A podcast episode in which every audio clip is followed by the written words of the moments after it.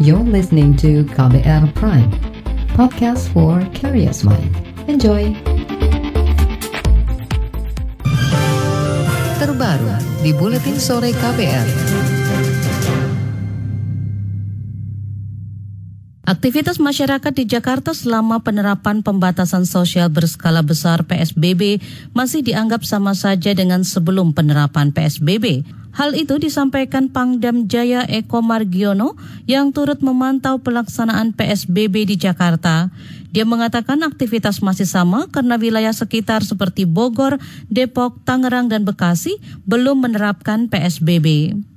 Kalideres, di Ciledug, dan ini sekarang di Kalimalang. Dari hasil pantauan kita, ternyata hampir tidak ada perubahan. Di berlakuannya PSBB maupun tidak, pada hari kerja ternyata hampir tidak ada perubahan. Ini akan menjadi evaluasi di gugus tugas daerah. Ini memang ada keterkaitan dengan daerah penyangga ibu kota. Khususnya di Jawa Barat baru akan diberlakukan mulai berhitung hari Rabu, ya tanggal 15 April nanti. Kita harapkan pergerakan orang akan semakin sedikit.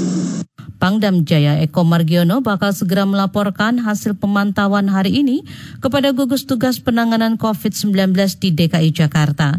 Menurutnya hal ini tidak bisa dibiarkan. Pembatasan aktivitas dan penurunan aktivitas masyarakat sangat penting untuk memutus mata rantai penyebaran COVID-19. Kepadatan warga masih terjadi di sejumlah stasiun kereta api di Bogor dan Depok. PT Kereta Komuter Indonesia menjelaskan penyebab penumpukan penumpang karena adanya pembatasan kapasitas angkut sesuai dengan aturan pembatasan sosial berskala besar PSBB. Juru bicara PT Kereta Komuter Adli Hakim menilai pelaksanaan PSBB tidak dibarengi dengan upaya pelaku usaha untuk meliburkan maupun mempekerjakan karyawannya dari rumah. Jadi kalau di kereta ini kami batasi 60 orang atau 60 penumpang pada tiap kereta dalam satu waktu. Nah sehingga untuk menjaga agar jumlah yang ada di dalam kereta tidak melebihi batas tersebut, untuk kami melakukan pengaturan di stasiunnya dengan adanya antrian beberapa zona ya antrian untuk di stasiun. Sehingga ya tadi pagi terjadi orang tentu harus menunggu dulu ketika akan masuk gate, kemudian di selasar stasiun Bogor misalnya menunggu dulu sampai nanti sudah ada kereta yang di peronnya baru boleh naik. Juru bicara PT Kereta Komuter Indonesia Adli Hakim mengatakan PT KCI telah berkoordinasi dengan pemerintah daerah untuk membahas penumpukan-penumpukan pada masa pemberlakuan PSBB. Terlebih beberapa daerah seperti Jawa Barat dan Banten yang juga akan menerapkan PSBB seperti DKI Jakarta. Organisasi Kamar Dagang dan Industri Kadin mengakui saat ini masih banyak sektor usaha yang masih mempekerjakan karyawannya di masa PSBB. Meski demikian, Ketua Komite Tetap Industri Pengolahan Makanan Kadin Thomas Darmawan mengatakan jenis usaha yang masih beroperasi hanya yang dibolehkan oleh pemerintah, salah satunya sektor pangan. Biasanya mereka ngajukan ke Kementerian Perindustrian, nanti Kementerian Perindustrian akan mengeluarkan suatu surat bahwa si A ini perusahaan ini boleh apa, bekerja. Artinya yang tidak minta kan uh, harus libur. Sebenarnya ada aturannya dan Menteri Perindustrian kan sudah mengeluarkan aturan juga untuk industri ya. Hmm. Kalau untuk perdagangan saya pikir kan uh, sudah jelas ya. Uh, Menteri Perdagangan juga bikin aturan perusahaan-perusahaan supaya uh, kecuali yang di uh, supermarket ataupun yang jual toko farmasi atau apa logistik ya itu boleh berdagang ya. Tapi kalau yang non itu supaya tidak. Ketua Kadin Indonesia Thomas Darmawan juga meminta pemerintah memberikan pemahaman yang persuasif terhadap pedagang kecil soal PSBB. Dia meminta agar ada bantuan bagi usaha kecil sehingga mereka bisa berhenti berdagang sementara dan mengikuti aturan PSBB. Masih seputar penanganan COVID-19, Kementerian Perhubungan mengeluarkan peraturan tentang pelonggaran aturan ojek daring atau ojek online untuk angkutan penumpang selama pembatasan sosial berskala besar PSBB. Aturan ini berbeda dengan peraturan Menteri Kesehatan yang hanya membolehkan ojek daring mengantar barang selama PSBB. Menanggapi adanya perbedaan ini, juru bicara Kemenkes Widiawati mengatakan penerapan aturan akan diserahkan kepada daerah khususnya yang sudah mendapat izin PSBB nanti uh, diserahkan kepada daerah masing-masing gitu aja kebijakannya. Kan kita sudah mengeluarkan yang PSBB lah Pak Menteri. Kalau ini karena berhubungan dengan Kemenhub, ya kita cuma bisa menjawab bahwa diserahkan kepada pemerintah daerah masing-masing gitu. Kita kan sudah mengeluarkan itu kalau bisa menjalankan sesuai dengan PSBB yang kita keluarkan ya. Tapi kalau misalnya mereka punya kebijakan lain kan, tapi kita dari pusat yang sudah mengeluarkan seperti itu untuk memutus mata rantainya COVID itu. Ya gitu ya. Juru bicara Kementerian Kesehatan Widiawati memastikan Permen Hub tidak akan menganulir Permenkes yang telah dikeluarkan sebelumnya. Dia juga meyakini Permenkes yang dikeluarkan Menteri Terawan Agus Putranto sudah sejalan dengan arahan pemerintah pusat soal penerapan PSBB di suatu wilayah. Gugus Tugas Percepatan Penanganan COVID-19 Doni Monardo menjelaskan Permen Hub tentang aturan mengangkut penumpang untuk sepeda motor hanya akan berlaku setelah proses bantuan sosial selesai disalurkan. Permen Hub ini sebelumnya menimbulkan polemik karena bertentangan dengan Permenkes tentang PSBB. Itu tadi Gugus Tugas Percepatan Penanganan COVID-19 Doni Monardo. Sementara itu pengamat transportasi Joko Setiowarno menilai peraturan Menteri Perhubungan soal aturan pengendalian transportasi sebaiknya dicabut dan direvisi. Tujuannya agar selaras dengan undang-undang kekarantinaan yang ditetapkan pemerintah di wilayah pembatasan sosial berskala besar. Joko meminta aturan dari pemerintah tidak saling bertentangan dan menimbulkan kebingungan di masyarakat termasuk petugas pelaksana di lapangan. Hingga siang tadi kasus penularan virus corona penyebab COVID-19 di Indonesia sudah mencapai 4.200-an orang. Menurut situs covid19.go.id, jumlah orang yang meninggal karena virus ini mencapai 373 orang dan yang sembuh sebanyak 359 orang. DKI Jakarta masih menjadi daerah dengan kasus terbanyak dengan kasus positif mencapai lebih dari 2.240 orang. Mayoritas provinsi merealokasi anggaran daerah untuk tangani corona. Informasinya akan kami hadirkan seusai jeda, tetaplah di Buletin Sore KBR. You're listening to KBR Pride, podcast for curious mind. Enjoy!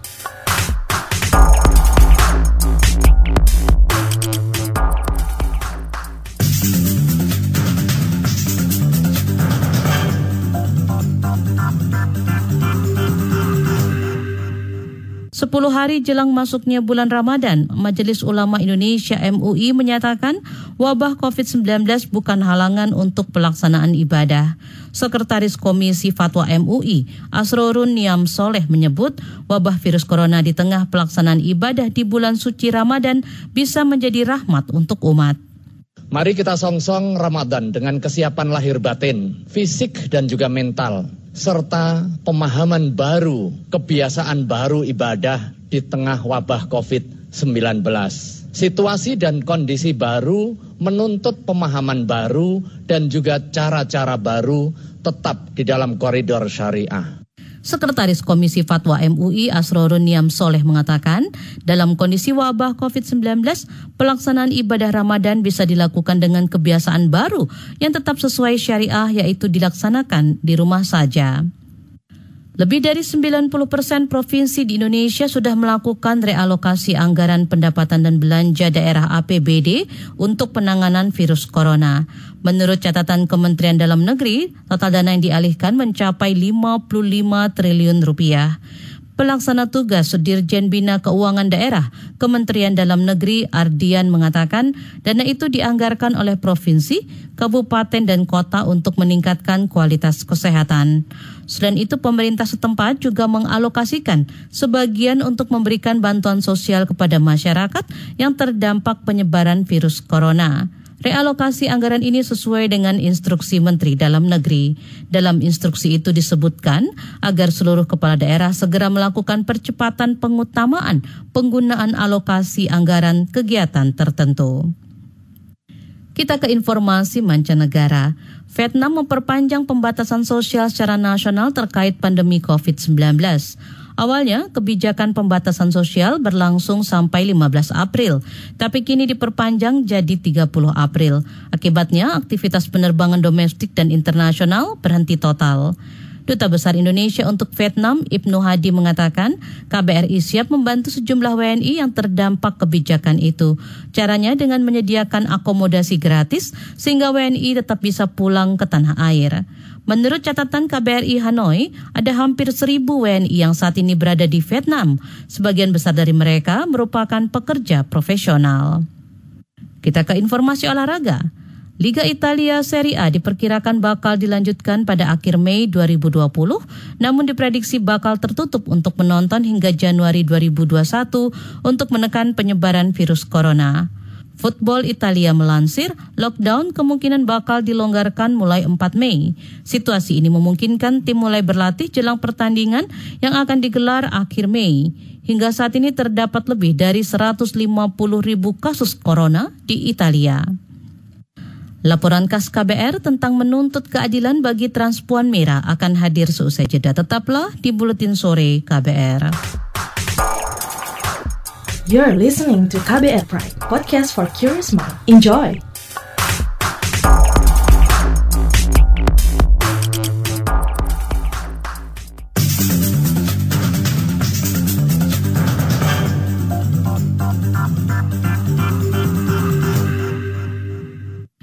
Terima kasih Anda masih mendengarkan Buletin Sore dan saatnya kita menyimak laporan khas KBR. Di tengah pergulatan menghadapi pandemi COVID-19, peristiwa tragis menimpa kelompok minoritas. Seorang waria atau transgender perempuan bernama Mira meninggal dunia setelah dianiaya dan dibakar.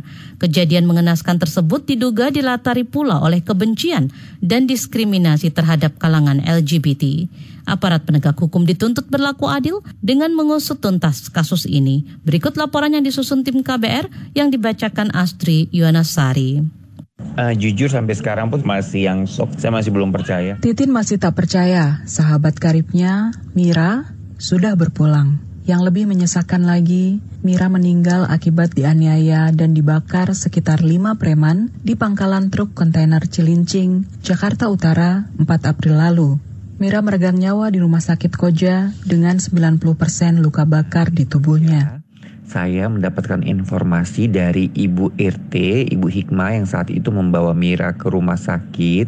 Eh, kejadiannya menurut Ibu itu kejadiannya pukul satu setengah dua malam itu Mira dijemput paksa sama lima orang lelaki dengan tiga motor. Karena berhubung Mira kenal sama pemuda di situ, maka Mira mau ikut teman-teman itu ke pangkalan. Nah, sampai di pangkalan ternyata Mira malah digebukin dan disuruh ngaku kalau dia mengambil handphone. Cuman karena memang satu memang tidak ada barang bukti, jadi Mira digebukin dan dipukulin dan nggak berapa lama dibakar. Mira merupakan waria atau transgender perempuan yang sehari-hari mencari penghasilan sebagai pekerja seks di Cilincing. Ia dituding mencuri telepon genggam, kemudian dipukuli sampai babak belur. Tak berhenti sampai di situ, para pelaku menyiramkan bensin ke sekujur tubuh Mira. Seorang pelaku lantas menyalakan korek api yang langsung menyambar bensin dan membakar tubuh Mira. Ia sempat dilarikan ke rumah sakit, tetapi nyawanya tak tertolong. Menurut hasil penyelidikan Polres Jakarta Utara, pelaku tidak berniat membakar, tetapi hanya menggertak agar Mira mengaku mencuri. Kalau emang nggak niat ngebakar, ngapain disiram bensin? Maksud saya gini loh, itu kan memang udah ada unsur memang niat. Ya lu berani berbuat, lu berani bertanggung jawab. Saya harap pihak kepolisian dapat menindak tegas pelaku. Ini kasus yang tidak dapat dibiarkan begitu saja karena akan dampaknya kepada teman-teman transpon lainnya, kepada saya, kepada teman-teman yang lain. Hingga kini polisi baru berhasil menangkap sebagian pelaku. Titin mengingat Mira sebagai sosok yang keibuan, ceria, dan humoris. Mereka berdua sudah saling kenal sejak belasan tahun lalu karena memang dia lama tinggal bertetangga sama saya deket banget sama saya. Walaupun dia nggak ada duit dia selalu ketawa. Yang namanya menjadi pekerja seks itu bukan hal yang gampang ya. Kadang kita dapat klien kadang enggak gitu loh. Tapi yang saya tahu setiap saat ketika Mira pulang itu selalu dengan wajah ceria. Dan hal yang palingnya saya ingat banget ya ketika saya pergi ngamen bareng sama Mira saya jalan berdua. Saat itu memang hampir dapat 180 ribuan ya. Sehingga akhirnya kita bisa ketawa bahagia. Di situ saya memang hal-hal yang adu Mira gitu. Saya memang tahu banget Mira gimana. Sejumlah kelompok masyarakat sipil berbela rasa dengan mengumpulkan donasi untuk biaya rumah sakit dan pemakaman Mira. Ada juga yang menginisiasi gerakan seribu lilin untuk Mira yang dikemas dalam bentuk video. Komnas HAM ikut memantau proses pengusutan kasus kematian Mira. Komnas pekan ini bakal mengirim surat ke Polres Jakarta Utara untuk meminta penjelasan progres sekaligus rencana selanjutnya. Komisioner Komnas HAM BK Ulung Hapsara memastikan lembaganya siap turun ke lapangan untuk mengawal penyelidikan hingga tuntas. Bisa misalnya kemudian kita bisa melakukan uh, investigasi di lapangan seperti apa fakta-faktanya, kita menggali keterangan dari saksi-saksi atau mengundang atau meminta keterangan. Hmm. Yang kedua kan kemudian kita juga bisa komunikasi seperti apa yang lebih intens gitu, bukan hanya melalui kirim surat saja. BK menduga kasus penganiayaan terhadap Mira dipicu juga oleh masih kuatnya kebencian sebagian masyarakat terhadap kelompok LGBT. Ia meminta jangan sampai pola pikir semacam ini juga merasuki penegak hukum. BK mendesak aparat memberikan keadilan untuk Mira.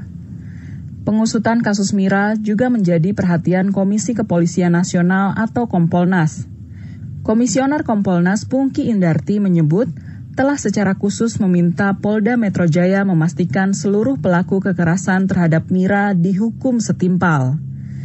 Menurutnya, tindakan para pelaku sangat biadab dan mengusik rasa kemanusiaan dan itu anu e, menja, e, apa, menjadi perhatian e, masyarakat umum karena itu tingkat brutalitasnya tinggi sekali itu kelompok-kelompok preman-preman itu.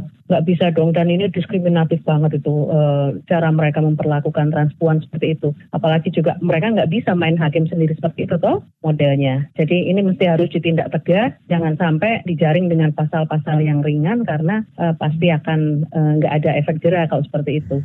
Demikian laporan yang disusun tim KBR, saya Astri Yuwanasari. Informasi dari daerah akan kami sajikan seusai jeda. Tetaplah di Buletin Sore KBR. You're listening to KBR Pride, podcast for curious mind. Enjoy!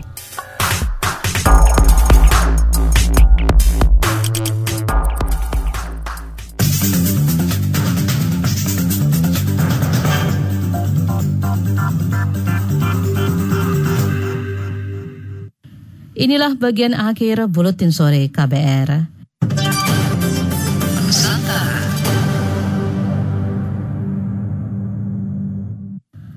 Kita ke Papua. Kepolisian daerah Papua dan TNI Kodam Cendrawasih membentuk tim gabungan guna menyelidiki kasus penembakan lima anggota Polres Mamberamo Raya, Papua.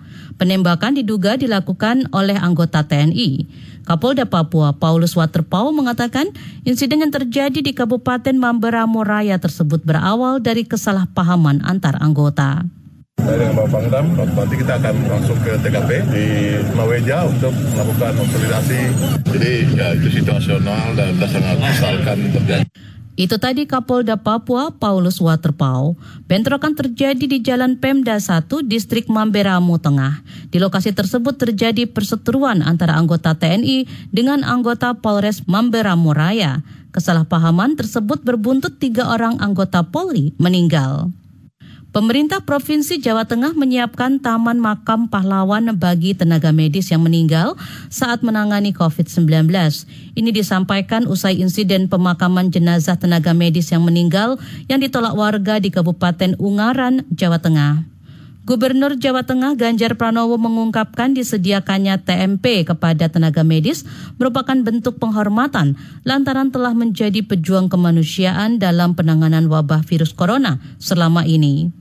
Saya bisa perintahkan di SOS terserah untuk menyiapkan ini. Satu, menyiapkan tempatnya. Para bupati wali kota juga saya komunikasikan tadi relatif pada setuju. Yang kedua, eh, administrasi agar penempatan seseorang di Taman Makam Pahlawan sesuai. Nah, kenapa ini kita siapkan dua-duanya, satu fisik dan dua administrasinya agar lebih mudah, sehingga nanti kita bisa menawarkan kepada keluarganya eh, agar bisa mengerti memahami. Ini mengantisipasi pada hal-hal yang tidak diinginkan. Gubernur Jawa Tengah Ganjar Pranowo mengatakan telah berkomunikasi dengan kepala daerah kabupaten kota untuk menyiapkan taman makam pahlawan bagi tenaga medis di wilayah Jawa Tengah. Dengan diberikannya TMP diharapkan tidak akan ada lagi penolakan jenazah tenaga medis saat pemakaman. Empat tahapan Pilkada Balikpapan tahun ini tertunda guna mencegah penyebaran COVID-19. Ketua KPU Kota Balikpapan Nur Toha mengatakan empat tahapan pilkada yang tertunda yakni pelantikan panitia pemungutan suara PPS, pembentukan petugas pemuktaran data pemilih, dan pemutahiran data.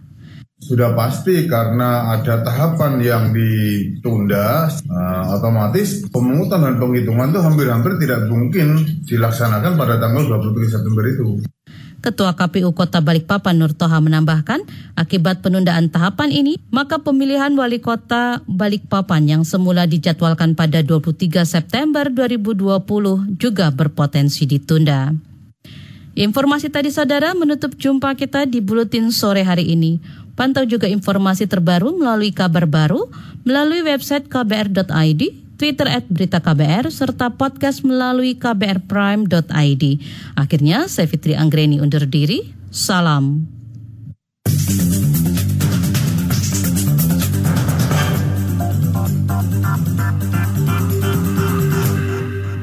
KBR Prime, cara asik mendengar berita. KBR Prime, podcast for curious mind.